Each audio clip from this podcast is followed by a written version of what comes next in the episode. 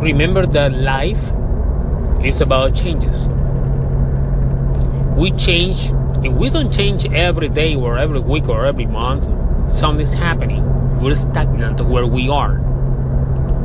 But the most important thing you have to understand is life is about changes. And remember, each move, each action, each decision changes your life. Your life is the result of your actions, of your decisions.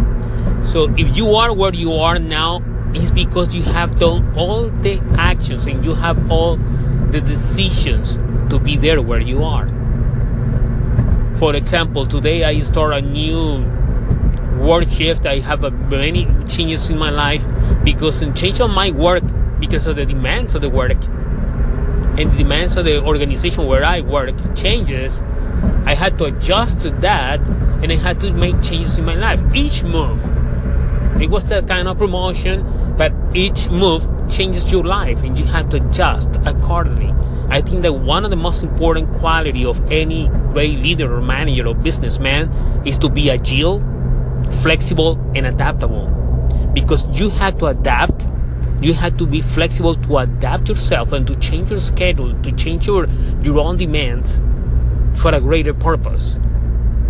Life is about changes each move each action each decision changes your life for the better or worse but always be prepared be prepared to be adaptable. Be prepared to be flexible. Be prepared to face challenges, to face changes, and be prepared to win.